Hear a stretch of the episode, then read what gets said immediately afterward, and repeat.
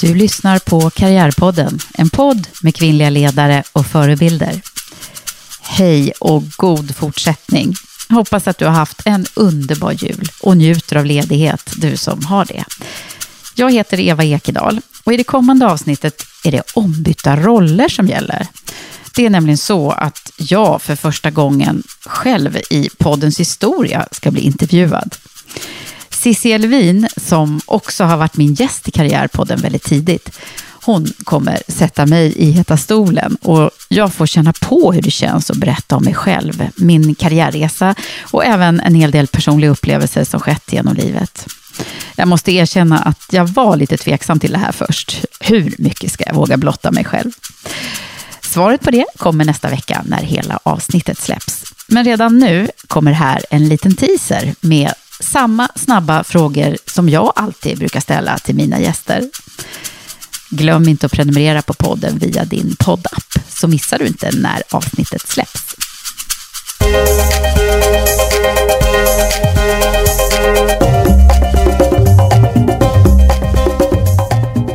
Vilken är din karriärs största utmaning?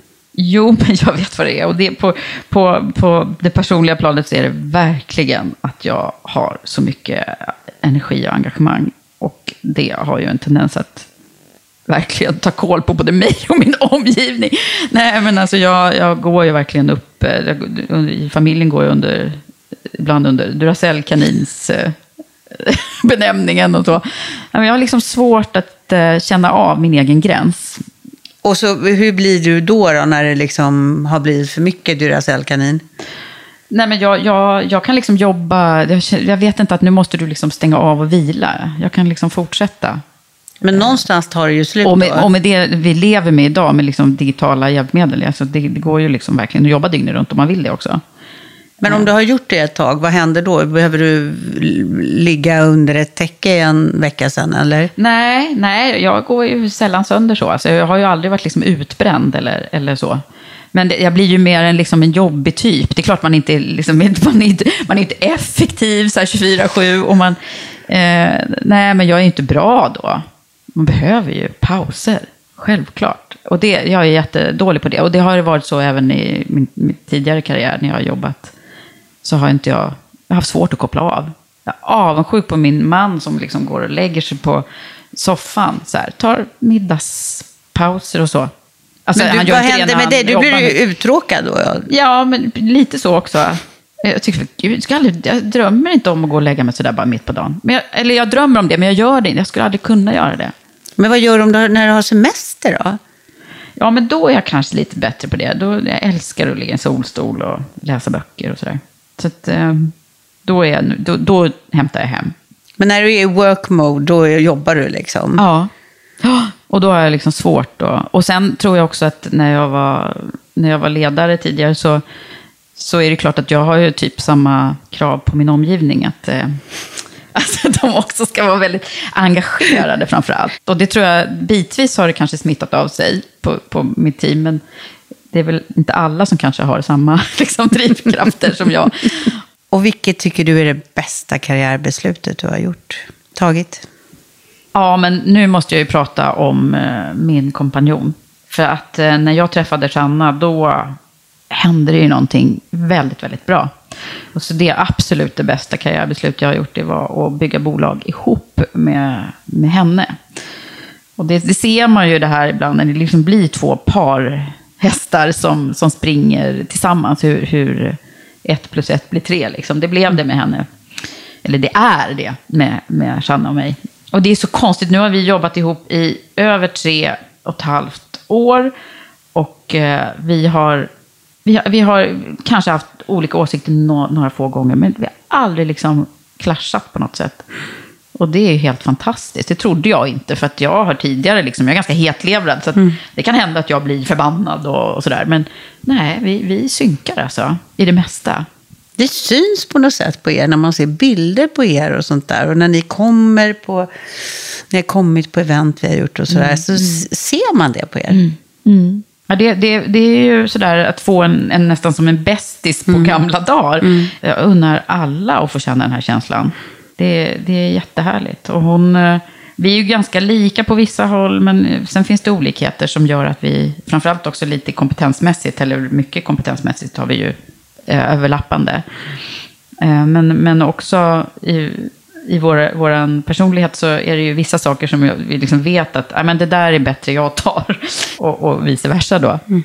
Så Ranna hon har så här, när vi ska göra snygga bilder och layouter och så här, då, då vet vi att det är ingen idé att jag håller på lägger mina händer på det. Och likaså när vi ska ringa jobbiga telefonsamtal, då är det jag. så vi har, vi har liksom våra, våra specialiteter kan man säga. När har du varit mest stolt över dig själv? Gud, vilka svåra frågor. det är de här frågorna du ställer, Eva, i varje avsnitt. Ja, jag vet. Men jag är ju jättestolt över mina barn, men det säger alla. Men det är jag verkligen. De är fantastiska. Jag blev nästan lite tårögd. Det var ju... Ja, men sen så är det ju podden alltså. Mm. Jag är jättestolt över att jag liksom med egna, verkligen ganska knapphändig liksom, utrustning från början. Och, men jag bad om hjälp och det var många som hjälpte mig i början. Så jag, men jag, är, jag är stolt över att den... Och det kändes helt surrealistiskt när, när eh, Apple plockade upp eh, oss på iTunes-listan i, i blickfånget. I, I våras var det. Och när man liksom bara såg Karriärpodden låg liksom på första plats. Eller det var inte, men andra plats var det. Ja, det är fantastiskt. Mm. Men det är ju ett jättejobb du har gjort alltså. Jag är faktiskt väldigt imponerad också. Jag tycker du har all anledning att vara stolt över det. Vilket råd hade du velat ge dig själv eh, i början av din karriär? Åh, jag hade velat säga att åh, Eva, du är bra precis som du är.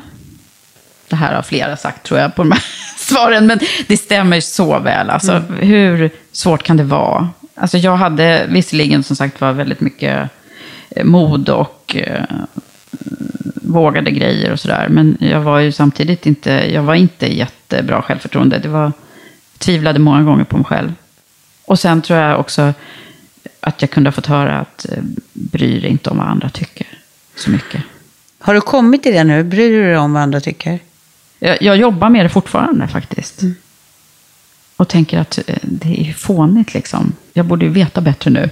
Men eh, jag har jättemycket känslospröt, mm. både inåt och utåt. De jobbar ju hela tiden. Vem har hjälpt dig på vägen och hur? Är det någon chef eller någon kollega? Eller mm. vem är det som har varit din mm. sponsor eller mm. mentor? Jag har haft faktiskt jättemånga manliga chefer som, eh, som såg mig tidigt. Som gav mig chansen att få de där första chefsjobben. Det är så himla viktigt ju. Mm att man får chansen. Jag var 26 år, jag var ju helt oprövad. Sen måste jag faktiskt eh, också hylla min man. Han har ju varit otroligt viktig för mig.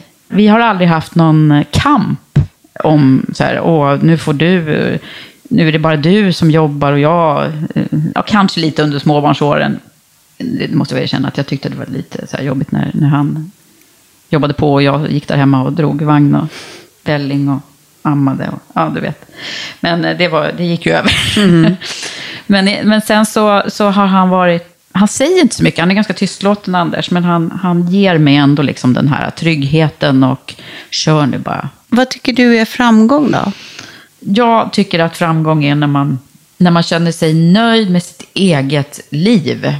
Och, och eh, att man liksom kan, eh, tänka på det där när man sitter där på ålderns höst och liksom, ja, om man kan titta tillbaka och känna så här, det, jag har gjort bra saker som har kanske spullit över till andra. Det tror jag är en nyckel. Det tycker jag är framgång. Och känner du då att du är framgångsrik? Ja, men om det är några som gillar det jag gör så tycker jag det. Och det, det verkar som det är några som gör det. Det är det, Eva. Mm. Det vet jag. Det är till exempel jag. Mm. Det var en liten teaser. Missa nu inte hela avsnittet där alltså jag blir intervjuad av Sissi Elvin nu på tisdag.